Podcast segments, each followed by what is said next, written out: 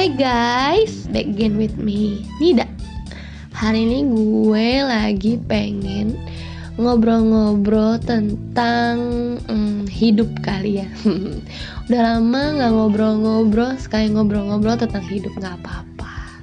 Have you guys ever feel like um, kok kayaknya hidup gue gini-gini aja ya ya kan? Sementara teman-teman gue atau tetangga gue atau saudara gue udah jauh banget di atas gue. Sementara gue masih stuck di sini-sini aja. Pernah nggak? Mungkin sekali pernah kali ya. Gue sendiri juga pernah lah satu dua kali ngerasa kayak gitu. Ngerasa kalau gue kehabisan waktu nih ya ampun kenapa semua orang kayaknya udah ngedapetin apa yang mereka mau? Sementara gue ya udah gini-gini aja. Untuk itu hmm, gue karena konten gue berbagi tips ya kan gue akan berbagi tips nih.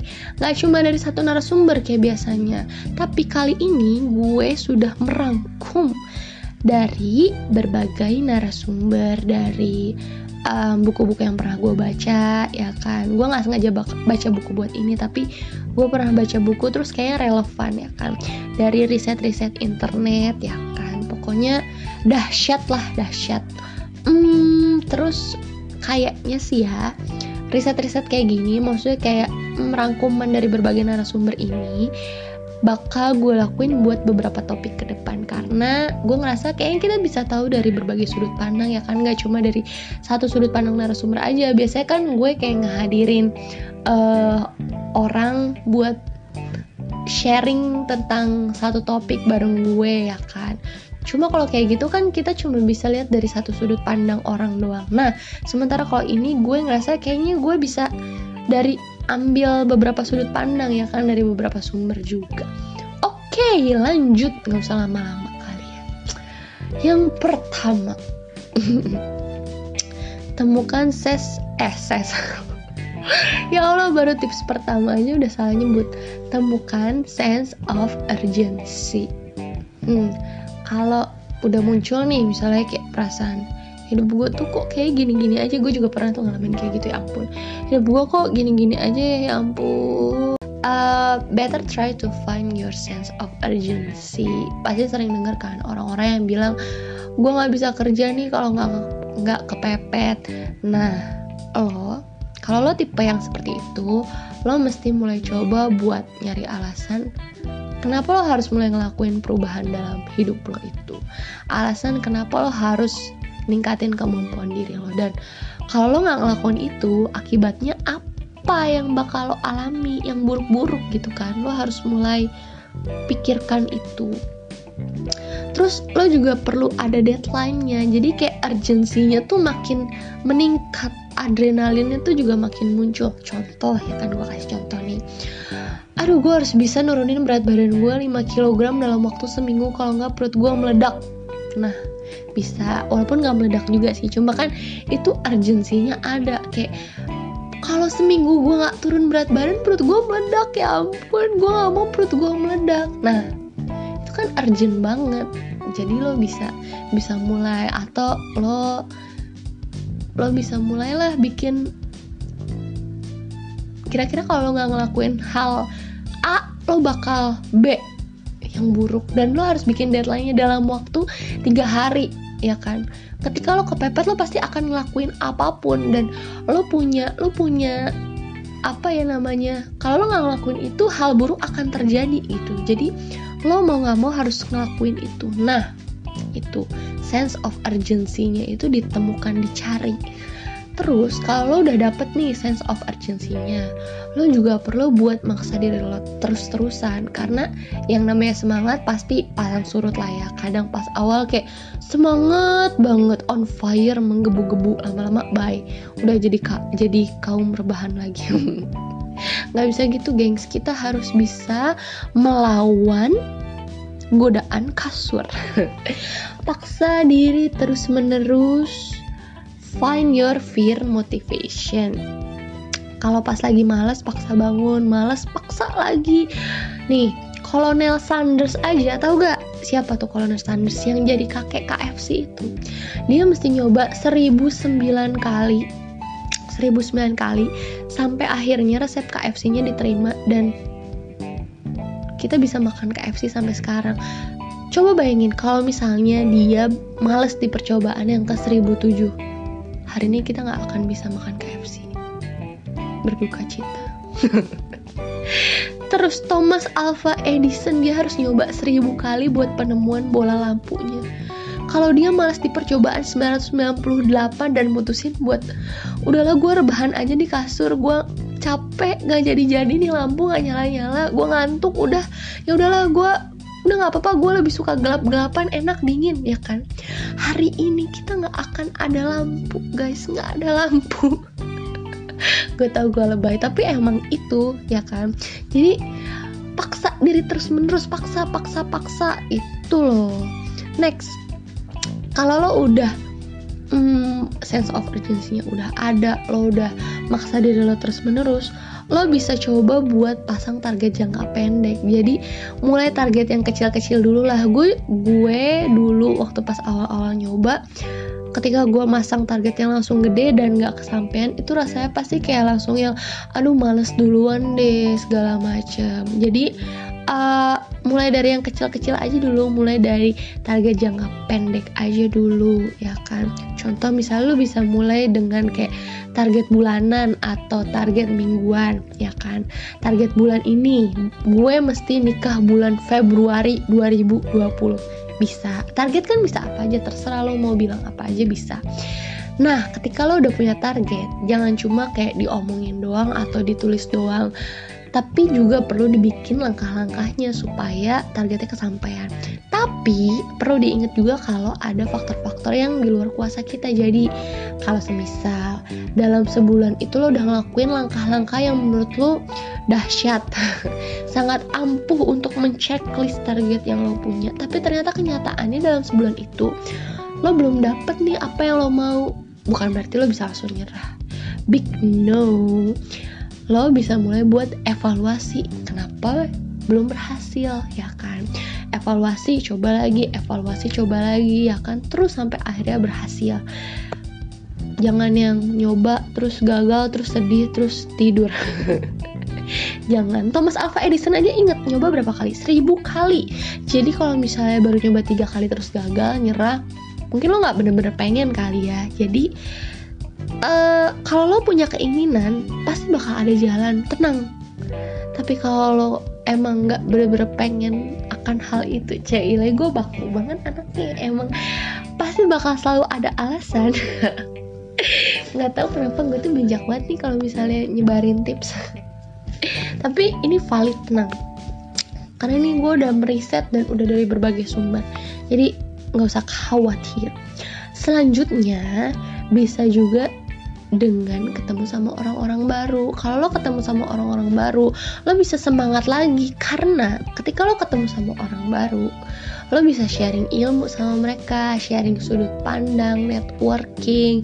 Lo bakal sadar kalau di luar sana banyak orang yang kerja 3, 10, 20, 70 kali lebih luar biasa dari kita punya visi jauh ke depan tahu apa yang mereka mau. Jadi kayak secara nggak langsung itu bakal motivasi lo gue waktu dulu nih pas zaman zamannya patah hati emang ya nggak jauh-jauh dari patah hati.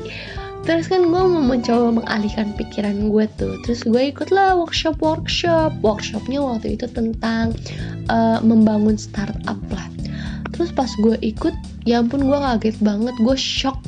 Orang-orang yang ikut di sana itu adalah mereka-mereka yang sangat antusias dengan hal itu dan mereka tuh bener-bener punya visi jauh banget ke depan. Mereka udah punya kerangka startupnya mereka juga lagi nyari investornya segala macam jadi kayak gue akhirnya sadar kenapa hidup gue gini-gini aja? Ya karena di luar sana banyak orang yang luar biasa lebih luar biasa dari gue dan mereka kerja kerasnya lebih parah daripada gue. Jadi kayak gue semakin meningkatkan kinerja gue gitu.